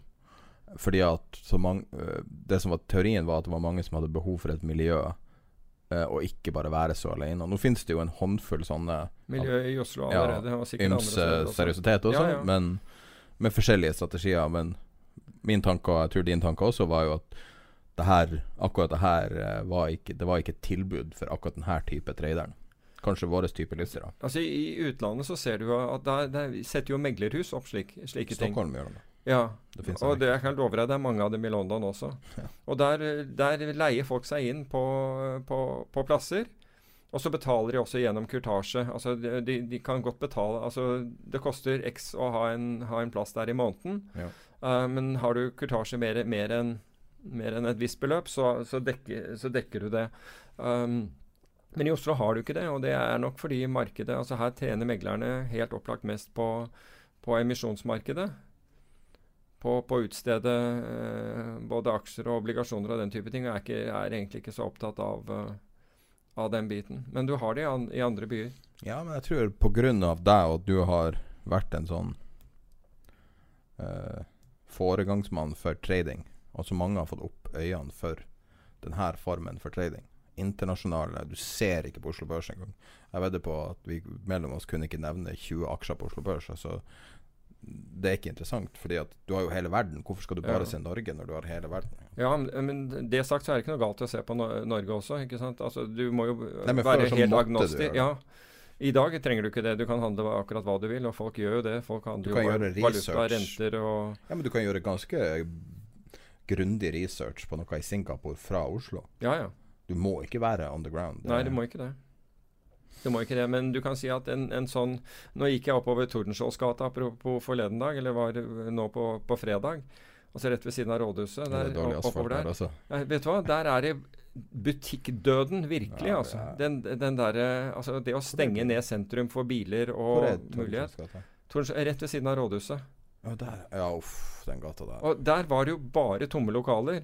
Så du kunne sikkert, du kunne sikkert få lokaler der til en ganske billig pris, fordi butikken der har bare har måttet stenge. Der er, helt, der er null aktivitet. Ja, men se nå på Altså, jeg tror at det Det var jo det du snakka om, eh, den der store eh, store dealen som ble Altså dramatisk nedprisa på et stort eh, næringsbygg i Oslo Ja.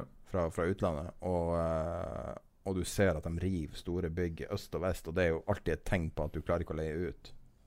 Du, det siste utveien for næringseiendom er jo å rive og bygge noe nytt. Nettopp. Og det er mye av det i Oslo nå. Det er, mye sånn Og det det, det er liksom eh, outlet-butikk midt på Karl Johan. En svær en. Det er ikke, det er ikke et godt tegn. Det, Nei, det er eh, det er sånn i døende Men du har, du har interessant altså SV har, er, har, har ordførerplassen. Uh, Arbeiderpartiet har byråds... Hva er det for noe? By, byrådsleder? Nei, hva er han er for noe? By... Hva er Raymond Johansen er for noe? Har du forresten lagt til merke til han? Han ser jo ut som en narkospane på, på 70-tallet. Men hva er det som har skjedd med han, da? Men, men han gjør det. Uh, mens eh, hva, er, er det nå? Nei, Men, mens jeg prøver å eh, finne et nytt bilde av det. mens MDG er, eh, MDG er, er, han er ser som bestemmer. der? Nei, der ser han jo litt mer uh, flidd ut. Og du syns han ser uflidd ut? Ja, han ser, som sagt, han ser ut som en nark narkosbane på 70-tallet. Men uh, Her er han på trikken. Ja. Hva er det med deg? Jo, men, men det har jo gått litt av sted, Har dette han her. Instagram, tror du? Hva sier du? Tror han har Instagram? Aner ikke. I couldn't care less. For å være helt ærlig. Men uh, Han har kun 2000 følgere på Instagram. Der har vi han. ja. Ja, han ser kanskje litt sliten ut.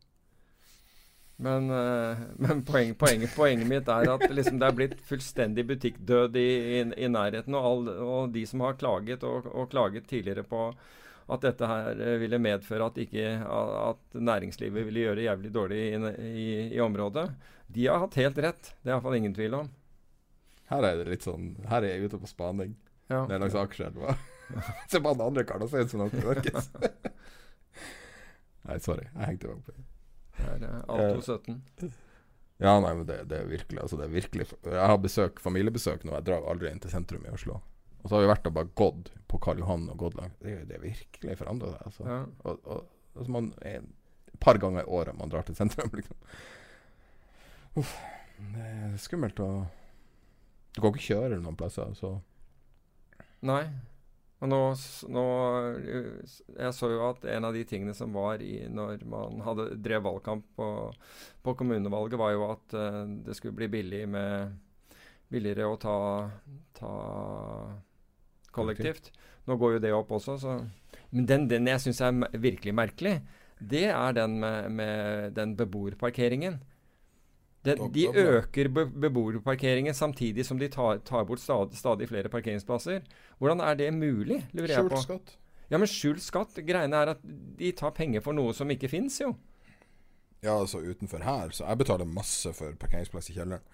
Ehm, Jo, men folk betaler beboerparkering, og, så- og så fjerner de parkeringsplassene. det som er så fint nå, er at når det ikke snør lenger fordi det er global oppvarming, Ja, det er så mye lettere å parkere på gata. ja det er sant. Vi er snart i februar, og det er fortsatt ikke snø. Så Nei, det er, det er litt sånn politiske brannfakler her. Tror du han hører på podkasten? Nei, det, tviler jeg vel på. Tror du la han høre på podkasten? Det tviler jeg enda mer Ja, på. hun er sykemeldt. Ehm, da kan vi gå tilbake til temaet. Vi er, har ett, vi er ett tema inne i podkasten, og vi har holdt på én time. uh, trading og investering under QE.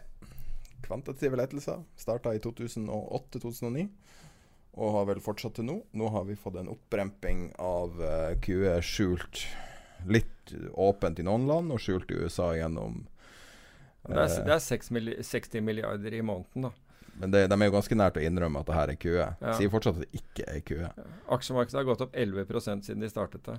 Kortsiktig sånn eh, repurchase Ja, av, av uh, veldig korte papirer. ja, de måtte tilføre markedet likviditet. Av tekniske årsaker var det alle sa i starten. Først det var Nei, det bare tekniske årsaker. Går det en dag til? Bare tekniske årsaker. Nå er vi på dag 100 cirka. Ja, nettopp. Fortsatt tekniske årsaker. Ja. Nei, og du hadde fått mange, mange lyttere som eh, Det du begynte å snakke om i stad, om at eh, de var de var ydmyke. Ja, men, men det er interessant fordi du får Det er mange som uh, tradere som, som ønsker backing, ønsker kapital for å, for å trade For å kunne trade mer, uh, og, og som henvender seg. Og det jeg ser på resultatene, det er jo at de er veldig preget av, av nettopp uh, QE-maskineriet. Altså det er, det er lite Når du ser på Det er, det er to typer. Er dis, altså du har folk som driver med øh, algoritmer. Det er lettere å vurdere, i hvert fall hvis de har testet de på en, på en ordentlig måte. Der kan du jo Du skiller de ad, altså de som har testet ordentlig. Da kan du ha en vurdering på om dette er bra eller ikke. Men de som driver dis diskresjonært, så er jo nesten alltid er, Altså den, den uh, meravkastningen nesten alltid kommer fra risiko. Økt risiko. Og det er at Hver gang markedet har falt, så har de økt posisjonene sine. Og så når det kommer opp igjen, så selger de ut det, det de akkurat har, har, kjøpt mer av. Så det er deres på en måte risikokontroll. Og, de, og den dagen det faller videre da, så kommer de sannsynligvis til å kjøpe mer. Og så faller det videre, så kjøper de mer. Og så faller de videre, og så er de konkurs. Det er det som kommer til å skje med den. Fordi det er ingen risikobegrensende uh, regler med i, i hva de gjør. Og det er, helt, det er nå helt utenkelig for mange at det kan falle. Og jeg nevnte det, jeg skrev en blogg på, som jeg publiserte på fredag, hvor jeg nevnte en, en tannlege som jeg kjenner, som, uh, som drev nå handlet, handlet aksjer ved siden, av, uh, ved, ved siden av tannlegepraksisen fordi det er morsomt, og fordi det er ingen risiko. Og de tror virkelig at det er ingen risiko. For jeg har fått beskjed om at ja, det kommer alltid opp igjen, så det er ikke noe problem. Altså Det kan hende at du må sitte litt hvis det går ned, men det, men det tar ikke lang tid før det er opp igjen. Og som jeg skrev i den, eh, i, i den uh, bloggen, det er tydelig at vedkommende ikke kjenner noen japanske tannleger, fordi de har ikke fått pengene sine tilbake igjen altså de, siden 1990. Men vi går hele tiden og tror, og vi, vi, vi kaster ut, ut, statistikk på at ingen, har, ingen, taper penger hvis de har sittet, med, sittet med, med, aksjene i fem år. For det første, det kan være en reell indeks, men det finnes massevis av selskaper som har gått konkurs eh, på, på Oslo Børs gjennom årene. Kristiania-krakket i Oslo. Ja. Det tok 90 år å gå i null. Hvis du kjøpte en ja, eiendom i 1900. Ja, det kan være. Men, men, folk nevner ikke disse tingene i det hele tatt. Og, og, er helt overbevist. Og Det er derfor jeg tror at folk for, kommer ikke til å forholde seg til risiko når det først går galt. Og det er den største faren, tror jeg, i, uh, for markedene. Det er ikke nødvendigvis koronaviruset, men det er det at folk ikke tror at det finnes noe risiko. Og, og det er helt utenkelig for dem å tape penger. Apropos koronaviruset. Burde man shorte produsenten av koronaølet bare basert på negative, negative hvis, det betyr at, eh, hvis det betyr at prisen på dem går ned, så er jeg for det. Jeg liker ikke det. Nei, men jeg, uh, jeg, jeg likte det blogginnlegget der du skrev mm. om face ripping rally. Og det er jo det en av de sakene som um, uh, Som har vært mye diskusjon rundt. Det har på en måte nesten blitt det nye DNO å diskutere Tesla long eller short. Mm. I gamle dager så var jo DNO brakte jo fram de verste galningene. Tesla bringer jo fram en del akademikere på begge ja. sider. Ja. Folk med mye erfaring, og begge tror de har rett. og kanskje begge har rett, kanskje begge har feil, det er jo umulig å si. Men resultatet er jo at når du er skråsikker på noe, og det går mot deg, altså når du er short, så kan det jo gå uendelig. Det er jo det som er så skummelt. Ja, det er det som er så Ja, nettopp. Og dette er en aksje som Hvis du er lineær short som Sissener, så, ja. så kan du få et alvorlig 220 si, på, på syv måneder har den aksjen steget. Og så sitter du her short og hver dag sier at dette her skal ned. Men altså, jeg skjønner jo på mange måter at man, man er short. Dette er et selskap som aldri har tjent penger. Altså På årsbasis har aldri tjent penger, og det taper vel rundt i nærheten av en milliard dollar eh, i, i 2019. Ja, men grafen er jo helt crazy. Det her er vel også, Den grafen du har lagt inn i blogginnlegget, er vel også logaritmisk? Ja, det er den. Semilog. så, så, så, så, egentlig ser det mye, mye verre ut enn den tilsier. Ja. Og den er ganske ekstrem. For det kom så fort. Så um, Men jeg tror at dette er en del av QE har lært oss at det er ikke noe problem. Ting ordner seg. Men når, når, nok folk er short, som har vært tilfellet her og det, Jeg tror at det er også et av tilfellene med Tesla. De som er short, har fått markedet mot seg, og så har de bare shortet mer, for dette skal ned. Og så går det enda lenger, og så shorter de mer, for dette skal ned. Og så går de enda lenger, og så, og så ringer banken eller megleren og sier at vet du hva, nå må du begynne å dekke inn fordi du har ikke penger. Så må ja. du komme, og så, og så blir de tvunget til å kjøpe. Og det er det jeg tror De siste to månedene, det er nettopp det jeg tror du har sett. Da har du sett det der omtrent gå vertikalt. Men hva, altså fordi at En ting som kommer igjen og igjen, igjen i podkasten, er jo eh, hvordan vil neste kollaps se ut? Med tanke på at vi kanskje er inne, på vei inn i en ny QE-bølge Nå er det valg i USA om ni måneder ca. Man skulle jo tro at all manipulering for å få markedet til å stige inn i valget vil bli brukt, basert ja. på tidlig oppførsel. Og veldig mange estimerer at et regelrett QE kommer nå. Kanskje rett og slett aksjekjøp også, sånn som Japan og Sveits. I hvert fall Sveits, ja. Vil måte, starten på slutten være når det der Når det der slutter å funke, eller vil det på et vil, altså Basert på din erfaring?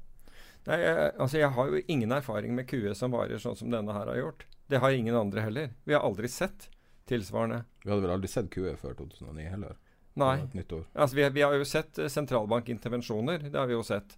Men Siden har, tidenes morgen. Det er jo faktisk nettopp.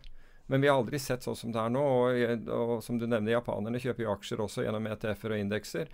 Og det, men eh, altså på et eller annet tidspunkt så eh, altså Vi bryr oss ikke om verdsettelse lenger. Vi bryr oss ikke om, om eh, økonomiske realiteter. Alt det bare skyves til side. Og så, og så sier vi ja ja, men takket være sentralbanker så vil dette få fortsette forever.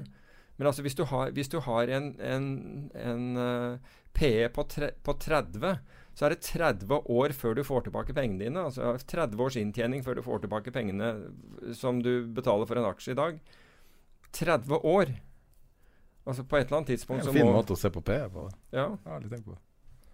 Jeg liker når du setter ting i sånne eh, tydelige kontraster. Men, men i, tilfelle, i tilfelle Tesla så er det jo ingen eh, Så er det jo ingen Det er ingen E. Der er, nettopp. Der er det bare en P og ingen E. Det er en sånn, Ja. er en sånn sideliggende åttetall. Og den gikk 73% i siste, ikke sant? Altså på, I desember og januar så har den aksjen steget 73% Så Eh, Det fine med Tesla er jo at vi er der, for PR-ratioen er 0,00 i henhold til min eh, kjappe Ja. googling. Går det ikke an å regne ut den? Ok, du har På estimatene fra 2020 så har du 181. Så betyr det at du får tilbakebetalt det på 181 år? Det, ja, det? det er ganske fint. Er det det betyr? Ja, det er jo det. Det, det er earnings per year, det, ikke sant? Altså, det tar jo Selvfølgelig. Det er 180 ganger, 180 ganger inntjeningen, så da er det bare så da, da bør du, da, altså Hvis du skal ha igjen pengene dine da, så bør du håpe på at medisinsk forskning er uh, Den akselererer kjøredataen voldsomt. være verdt mye, altså. Ja. Jesus. Jeg har aldri tenkt på P på den måten. Selvfølgelig er det det. For det var jo, Men i Amazon-tilfellet så Man må jo skille bransjer også. I Amazon-tilfellet så har du jo en viss sånn likhet med software. Software er jo alltid Der kan du jo på en måte skalere uten å øke din marginale kostnad. Egentlig. Du har en fiks Mm. kost, og så skalerer du til Som Minecraft, liksom. Om du selger ett Minecraft-spill, eller om du selger 10 000, så har du omtrent samme kostnader. Mm. Eh, mens eh, skal du lage biler, så Men det, det, jeg syns jo det, det som skjer her nå, altså det som skjedde med Tesla, er veldig likt det som skjedde med, med internettselskaper i 2000. Altså Der var jo også folk som shortet og ble båret ut eh, fordi det var så brutalt. Ja, det viser jo hvor Og- execution er så Men altså John Maynard Keane sa helt klart at, at markets can stay irrational longer than you can stay solvent. Og det har alle glemt. Og det er egentlig en veldig viktig lære eh, Veldig viktig regel. For altså du, du kan ha rett til slutt, men det kan gå deg ordentlig ille før. ikke sant? At Du har ingen glede av det hvis du blir båret ut i mellomtiden. Men da er det kanskje på tide å snakke om Sissener sin Tesla-opsjonsstrategi, som du forklarte til meg. Fordi at det er litt vanskelig For det første så deler han alt han gjør, som er helt utrolig. Ja. Og når du ser på strategien fra mitt perspektiv som en novise, så er det litt sånn uklart hva det er han gjør. Og så når du forklarer meg hva det er han gjør, så er det fortsatt enda mer uklart hva det er han gjør. Men det som er klart for meg, er at han, han prøver å gjøre noe komplisert som er vanskelig å lese. Er du Ja, enig i den? Ja, altså jeg syns ikke det er komplisert, men, men du kan si at jeg tror at at Sissener har hatt glede av å drive og utstede opsjoner. Han er, jeg, tror han er allergisk mot å kjøpe opsjoner. Jeg tror han, han, han utsteder opsjoner og, og, og håper at ikke de blir, blir innløst. Call-opsjoner. Ja, han utsteder både caller og putter, fordi han ut, utstedte jo bl.a. putt-opsjon i eh, begge deler i, i Norwegian i fjor. Og fikk det i fanget så det holdt når aksjen falt voldsomt. Og da måtte han jo kjøpe Norwegian veldig, veldig billig. Eh, unnskyld, veldig dyrt, fordi uh, aksjen var mye lavere ned enn eh, enn det han hadde forpliktet seg til å kjøpe på. Og så senere gikk han short, og så, og så steg jo Altså det var jo måtte vært Annis Horribles når det gjaldt akkurat Norwegian. Så steg jo aksjen kraftig. Men der hadde han jo altså, snakk, om, uh, snakk om flaks. Det var når den emisjonen kom, så fikk han anledning til å dekke seg inn. fordi da var jo kursen på var det 47 eller noe sånt, 46 eller 47, og så får man anledning til å kjøpe aksjen på 40. Med andre ord, du får 15% bedre resultat bare takket være at du får anledning til å kjøpe i en emisjon. Det tror jeg ikke privatpersoner skal, eh, skal regne med at de får. Dessverre har ikke det samme skjedd i Tesla. Det, nei, og, Ingen emisjon har luktet Nei, og, og der er det jo flere som Da, den, da han fortalte om, uh, om hvilken strategi han hadde gjort nå med opsjoner, eh, spurte av lytterne som spurte hvordan den hva er, han, hva, er det som, hva han gjør her? Og Ifølge Dagens Næringsliv da var kursen så vidt under 570 kroner, eller 570 dollar. Så det han gjør, er å utstede en salgsopsjon som gir andre retten til å selge han eh, selge han eh, Tesla-aksjer hvis den faller til 545. Ok, Så hvis den faller til 545, så, så må han kjøpe disse Tesla-aksjene.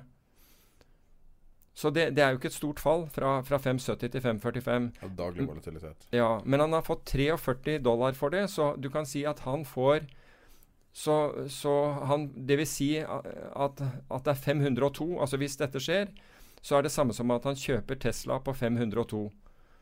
Så hvis Tesla fortsetter oppover, så er han bare dekket til 588, og vi har vært over det. Vi har vært i 595. Så hvis Tesla fortsetter oppover, så fortsetter han å tape. Så en måned til med, med, med, med 30 opp i, i, i Tesla vil jo være katastrofe. Nesten. Men poenget er at han har hele tiden gått rundt og sagt at men det er ikke et tap, fordi det er ikke, det er ikke et realisert tap. Det er bare urealisert. Men hvis vi ser på hva, at Tesla har steget 417 dollar siden juni Og i beste fall Altså hvis, det, hvis dette faller, altså hvis det nå faller, så får han tilbake 68 dollar av 417 dollars tap. Han får tilbake Det er best case. Det er best case hvis det faller nå, ja. Ja, Når forfaller de opsjonene? 21. februar. Ja, men altså etter 21. februar Ja, men hvis, det har skjedd, hvis, det har, skje- hvis det ikke har skjedd før 21. februar, så, så får han en, beholder han opsjonspremien på 43 dollar, men det vil si at aksjen er høyere også. Men han er villig til å, til å dekke denne shorten hvis han får tilbake en sjettedel av det han har tapt siden juni. Da realiserer han tapet. Det er en rar strategi, altså. Jeg klarer på en måte ikke å skjønne hvorfor. Nei, jeg, det er en strategi du bruker når uh, Altså, det er Det er en strategi du bruker når, når alt annet eh, Altså, det går ordentlig til helsike. For hvorfor, å få noe bedre. Hvorfor er ikke opsjonen Altså hvis du har, sitt, like hvis du har stor som sittet hele posisjonen? veien oppover Jo, men hvis du har sittet hele veien oppover fra, fire, altså fra 100, hva var det for 179 dollar og opp til 570 Du har sittet short hele veien eh, fordi dette skal jo bare ned. Og så kommer du opp her, og så, du, og, så sier du at ja, det, er ikke, det er ikke et reelt tap, for det er, det er, jeg har ikke tatt tapet enda, det er bare urealisert. Men jeg er villig til å kjøpe aksjene på 502 dollar, da er jeg villig til, da er jeg villig til å dekke shorten. Da Da får jeg tilbake en sjettedel av det jeg har tapt, og da er den i hvert fall realisert. Det kan jeg love deg. Så det er det som skjer. Og, og kontrasten er hvis du hadde gjort uh, shorten gjennom bare en Bare kjøpe en putteopsjon. Bare, bare kjøpe puts. Fra starten av, Ja. Ja, da, Så, så er det premien du risikerer. da er det premien du risikerer. La Men, oss si men du kan si det, det eneste nå er jo at han får en høy premie fordi det er, det er en veldig høy volatilitet. Så 43 dollar er ganske mye egentlig å få. Men vi har jo sett hvor fort Tesla beveger seg også. Så um, Altså Det er jo et godstog nå, så om det er rett eller galt, det er, det er liksom likegyldig. Det er et Men- men- godstog, men og du du kan kan si- ikke stå i veien for et godstog. Nei.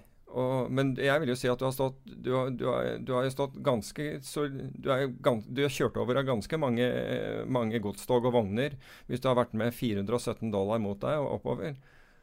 Da tror jeg du føler at du har blitt på, ordentlig påkjørt. Det, men det er ikke så farlig om du har rett eller galt. Altså, det er jo fint å ha rett. End Ja, of the ja, day å være rett- med i dokumentaren Ja, men om hør. Tesla, hvis, svindel og alt. hvis, men hvis nå Tesla faller så, Hvis nå Tesla skulle falle til null, da, så har han fått tilbake en sjettedel av tapet siden juni. En sjettedel. det er brutalt, altså. Men hva, altså, hva, hva ville en Hva ville du ha gjort hvis du hadde gått Du ville kanskje ikke ha gått linja her sjøl opprinnelig? Nei, og det var derfor vi ikke gjort eh, Det var derfor de to gangene var short, så, så, så var det ikke lineært heller. Men, eh, men i, i dette tilfellet så altså, Enten så må du prøve å shorte det høyere enn det markedet er nå, Altså via, via utstede en call-opsjon nettopp fordi det er så høy volatilitet. Jeg tror den høye volatiliteten veldig mye er presset opp av shortselgere som har blitt tvunget til å dekke seg inn. Mm. Jeg tror ikke folk har drevet og kjøpt dette fordi de egentlig har villet til å gjøre det. Jeg tror de har kjøpt det fordi de har måttet. De har rett og slett blitt tvunget ut. De måtte stille annen sikkerhet, og det sier jo han at han har gjort også. Han har måttet stille andre aksjer og sånt som sikkerhet for denne shorten. Så det gjør jo at du får begrenset handlingsrom. Men de, denne her hjelper jo ikke i det hele tatt på, på, på marginkrav. Fordi at du har utstedt en putt der nede, hjelper ikke noe på, på marginkrav, for risikoen din er jo til oppsiden, ikke til nedsiden. Så, så sånn sett så hjelper den ikke. Mm. Men uh, Men det er jo altså vi, Det her er jo bare en replay av .com. Altså. Det er jo akkurat sånn her det så ut ja. på, på tampen av .com. Det var Alle sier Altså liksom smarte hjerner, sånn som um, Tiger, uh, global-founderen, han uh, Andreas? Nei, uh, Tiger. Altså, og, og, du tenker på Julian Robertson? Julian Robertson. Ja. Basically grunnleggeren av moderne hedgefond. Altså, ja. I hvert fall én av dem. Kanskje en av de smarteste i moderne finans, og virkelig en nestor. Og han klarte ikke å get it right. På en måte for smart for sitt eget beste. Han klarte ikke å treffe med timinga i dotcom. Og med tanke på hvor mange smarte folk som er skeptiske til Tesla, og hvor mange smarte folk som er pro Tesla Det er jo veldig spesiell Mm. dynamikk der. Fordi at du har smarte folk på begge sider. Du har kanskje ingeniørtyper som er veldig pro Tesla, og eh, mange teknologer og sånn. Så har du veldig mye finansfolk som er negative. Og, så du har en spesiell dynamikk her. Men det som, det som er kjent, er jo den grafen. Ja. Den Og før. markedet har rett, ikke sant. Det, det er akkurat det som er, er, eh, er problemet ditt. Det er altså, akkurat nå er riktig pris er den, den prisen som markedet viser. Selvfølgelig. Og det er det som er di dilemmaet. Og jeg altså jeg forstår heller ikke økonomien i dette selskapet, jeg, så jeg deler, eh, deler Sisners syn der. Men du skal ha dype lommebøker for å kunne sitte igjennom. Altså Du får tilbake Husk på at denne har gått 73% bare siden desember. Og når han sier at Uten egentlig spesielle nyheter heller. Men, nei, nettopp. Og han sier at, han, eh, at denne posisjonen er- utgjør ca. 2,5% av fondet. Og da lurer jeg på når var det to, den utgjorde 2,5% Var det når den var, aksjen var på 200 dollar, eller er det faktisk her oppe? For det be- be- begynner jo også å bety noe. Jeg regner med at reguleringa sier at han kan ikke ha en posisjon større enn 10 skal jeg tro. Jeg husker ikke hva det, hva det er på den. Jeg bare husker at han, var, det 10%. at han snakket om at han var på maks posisjon i, i, uh, i Norwegian på et eller annet tidspunkt hvor han Og da fikk han på seg mer ved, ved, at, uh, ved at aksjen falt. Uten at det så ut til å gjøre noe. Så jeg vet Nei, ikke hvor. det er helt vanvittig. Ut. Uh, Men, eh, Men det er jo det som er sånn men, men fantastisk med finans og skummelt med finans, er at det umulige kan skje. Det som alle sier, det kan ikke. Det kan ikke skje at Russland defaulter. Jo, det kan skje, og det skjer. Og, og, og du kan Sånn som jeg husker det, det foredraget du, du hadde som ligger på IG sin YouTube. Der du hadde det foredraget om opsjoner. Det jeg likte så godt med det foredraget, måten du For at selv når du forklarer strategien, så går det litt over hodet mitt. Det, det er vanskelig å forstå den opsjonsstrategien fordi at det er så Opsjoner er komplisert. Eh, og eh, når du forklarte det med de grafene på det foredraget eh, Blir å dele det foredraget på nytt på Facebook, tror jeg. Og, og måten du legger det fram Og det du sa i eh, tidlig i innledninga, var at uansett hvordan markedet er, og uansett hva du tror som kommer til å skje, så kan du ekspresse det gjennom en opsjonstrade. mm. Er markedet rolig nå? Tror du det kommer til å forbli rolig? Så kan du ekspresse det. Tror du at en aksje skal stige og en annen skal falle? Så kan du gjøre det. Forventer du, forventer du at eh, volatiliteten skal øke fra et lavt, så kan du ekspresse det. Forventer du at volatiliteten skal øke og så falle, så kan, og, og det er det er det som er så vakkert med opsjoner. ja. Men det er også litt sånn hodepine-inducing å høre. ja, det er jo det. Fordi at det er så Det er så abstrakt, på en måte. Ja, altså Det er jo ikke verre enn at, at du bestemmer deg for, for hva du tror. Nei. Men opsjoner gir deg muligheten til å, til å ha et, et, et litt større utfallsrom enn om du bare går og shorter aksjen. Ja. Og det er jo det det, det handler litt om, ha, er å ha et, ha et utfallsrom. Nei, Vi får nå bare se hva Sissener gjør. Det er jo helt utrolig at han deler det. Det er jo virkelig, for Du får jo aldri se sånne her ting fra fond vanligvis. Så detaljert. Nei, det, det er sant. Så Så det jo, Han gjør seg jo sårbar med at man kan da ha en mening om det. Vanligvis så, så sier man jo ja, men du vet ikke om det er en del av en større strategi, f.eks. Hvis noen eh, et eller annet utenlandsk fond er short en random norsk aksje, så er det sannsynligvis del av en pair trade eller et eller annet. Men eh, Men i forbindelse med dette her så kan jeg jo nevne at jeg, at, eh, Og jeg vet ikke om dette her er eh, eh, Dette er ikke ment å ta siste med dette, men ifølge en studie som da Bloomberg refererte i forleden dag, så hedge funds not led by white men outperform pairs nearly two to one. Og det skulle tilsi at hvis, hvis, man hadde hatt kvinnelige ledere uh, i, i, eh, i hedgefondet, så hadde man kanskje ikke hatt den, den type risiko. Og man har studert bl.a. Lehman-krisen og uh, oljekrisen i 2011. Og, og, de, og hedgefondet gjorde vesentlig med, med kvinnelige. jeg tror jeg skal bytte deg ut med en ung, handikappa, eh, multikulturell eh, bare gjør det Og, heller. og homoseksuell. Ja, altså, jeg, jeg kjenner en kar Hvis du er kjenner noen som har de der, så, så, Nei, men jeg så, kjenner så, så som kan du få halvt- styreplass i Jeg kjenner en som er halvt samisk vi- og halvt iransk. Og Ja. det er en ganske eksotisk miks. Ja, men da kan, Og- da, da kan du få Da kan vedkommende faktisk få kan- Jeg kan bytte han ut med deg. For Nei, da kan vedkommende få styrerepresentasjon både i Goldman Sachs antageligvis, og i selskaper som Goldman Sachs er villig til å finansiere. Ja, det er jo helt fantastisk. Ja. Goldman. Sachs har jo gått ut og sagt de ikke vil gjøre nå IPOs for selskaper hvor, hvor, det ikke er, eh, hvor det ikke er minoriteter og, og kvinner. Ja, i basically styret. den norske modellen. altså. Ja. Det er dem. Så, Og den norske modellen, altså selv om man har tilfeller der man har sånn middelmådighet, folk som har 100 styreverv og alt sånn, så, så har jo det fungert.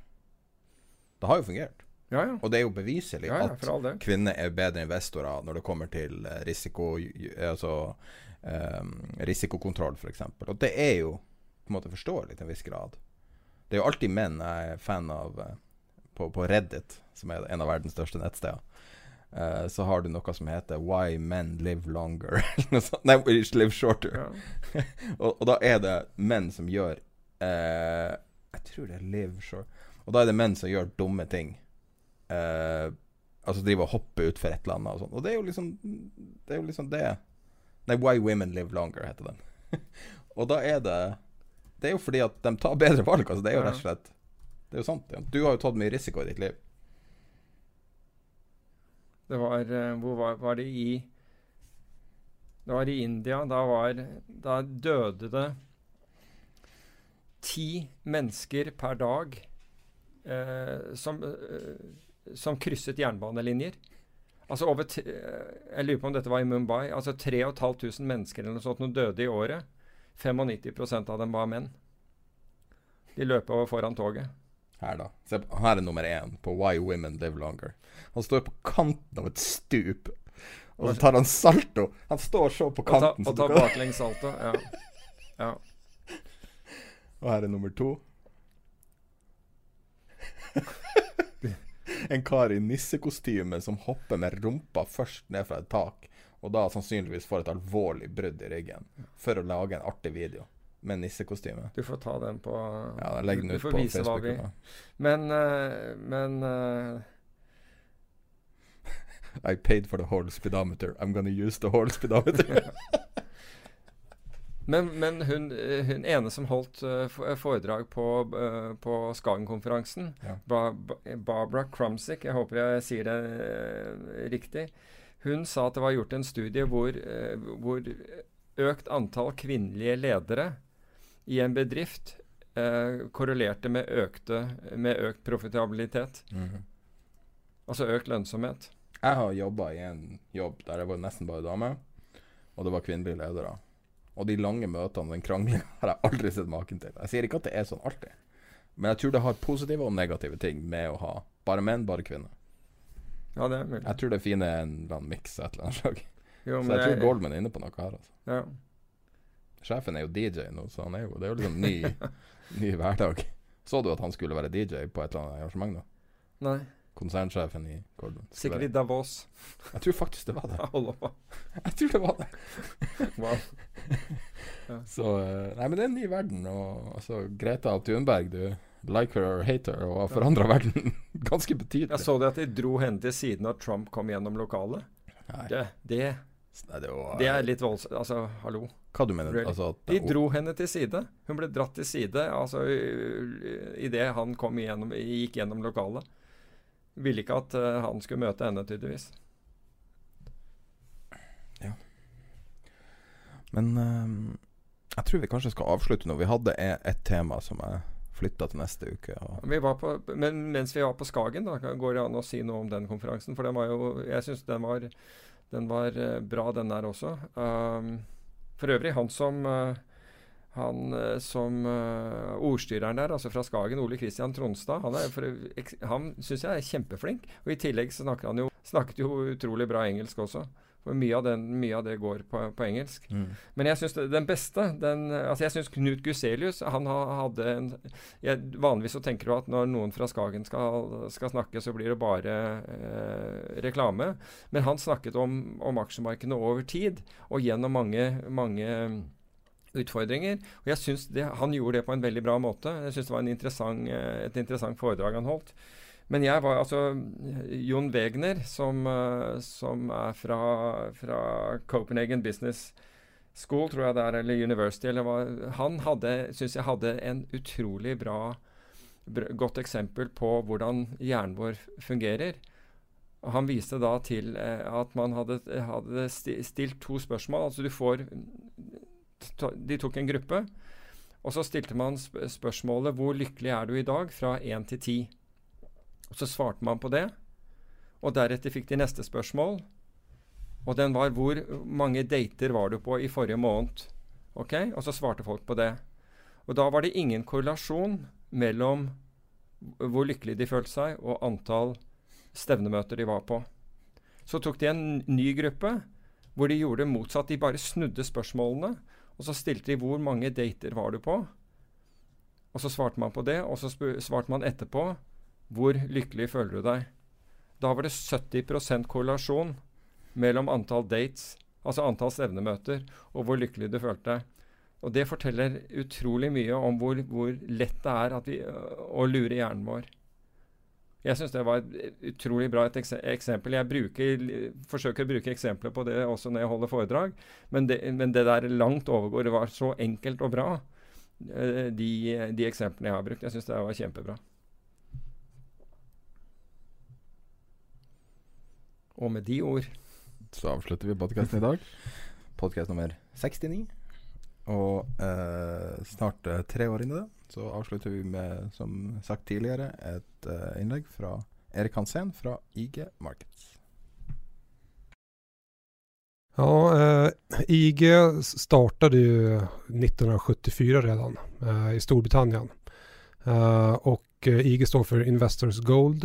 Eh, vi började då erbjuda handel i guld på, på 70-talet. Det var svårt för privatpersoner att få en exponering mot guldet. Eh, och eh, sen dess har vi breddat eh, utbudet. I, I Skandinavien då så erbjuder vi en derivatprodukt som heter CFDs. Och då kommer man i kontakt med aktier, index, valutor, råvaror, kryptovalutor också då, som varit populärt den senaste tiden. Så att det är en nischad mäklare mer mot lite kortsiktig handel. Då. Eh, aktörer som eh, är lite mer snabbfotade och eh, vill ta positioner på, på marknader som kanske inte finns hos den eh, traditionella mäklaren. Eh, Det går också även att blanka, det vill säga shorta eh, majoriteten av aktierna. Så det är nischade mot mer kortsiktiga traders. I Skandinavien så erbjuder vi, vi aktier, vi erbjuder index, vi erbjuder eh, råvaror, valutor, eh, kryptovalutor. Då. Eh, Den absolut vanligaste produkten som våra kunder handlar i dagsläget det är aktieindex. Och då är det främst uh, tyska DAX-index som många handlar om. Uh, sen är det väldigt populärt också att handla kryptovalutorna. Eh, vi har även många som handlar eh, ja, vanliga FX-par, uh, euro-dollar till exempel. Eh, och eh, sen har vi aktier också. Men på aktiesidan så är vi, skulle jag säga, ett, eh, mest ett komplement till den traditionella aktiemäklaren. De som handlar aktier hos IG, det är mycket på grund av att man kan shorta eh, majoriteten av bolagen. Så att eh, våra kunder de handlar mest eh, index och där har vi ett eh, utbud på över 30 olika aktieindex. Och majoriteten av de här kvoterar vi dygnet runt. Så de går att handla då dygnet runt. Eh, och eh, hur är det möjligt? Jo, utanför börsens ordinarie öppettider då tar vi priset från eh, USA-terminen. I USA då handlas ju underliggande terminen nästan dygnet runt. Den är stängd en kvart sent på kvällen där. Så då tar vi priset från den och sen tar vi hänsyn till kundernas positioner. Så, så våra kunder kan då hedga sina positioner på kvällen, natten eller tidigt på morgonen.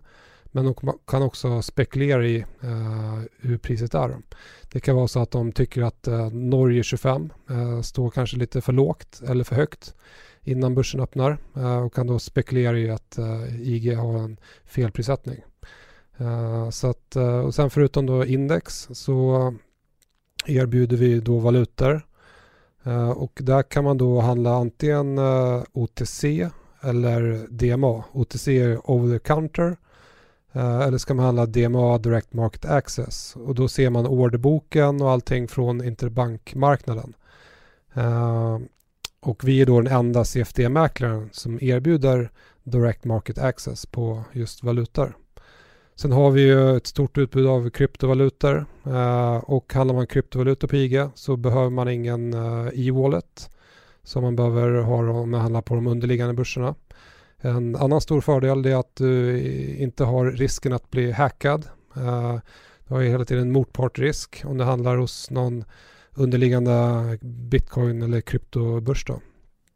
Uh, och det är själva processen att komma igång och handla med kryptovalutor er veldig enkel og snabb uh, på IG jämfört med mange andre ställen. Sen har du råvarusidan. Vi erbjuder nesten 40 olika råvaror. Eh, allt från eh, ja, oljan och guldet som är väldigt populärt men även, men även lite mer exotiska råvaror som kanske apelsinjuice eller eh, socker och majs och så vidare. Tired of ads barging into your favorite news podcasts? Good news. Ad-free listening is available on Amazon Music for all the music plus top podcasts included with your Prime membership. Stay up to date on everything newsworthy by downloading the Amazon Music app for free or go to amazon.com slash news ad free. That's amazon.com slash news ad free to catch up on the latest episodes without the ads.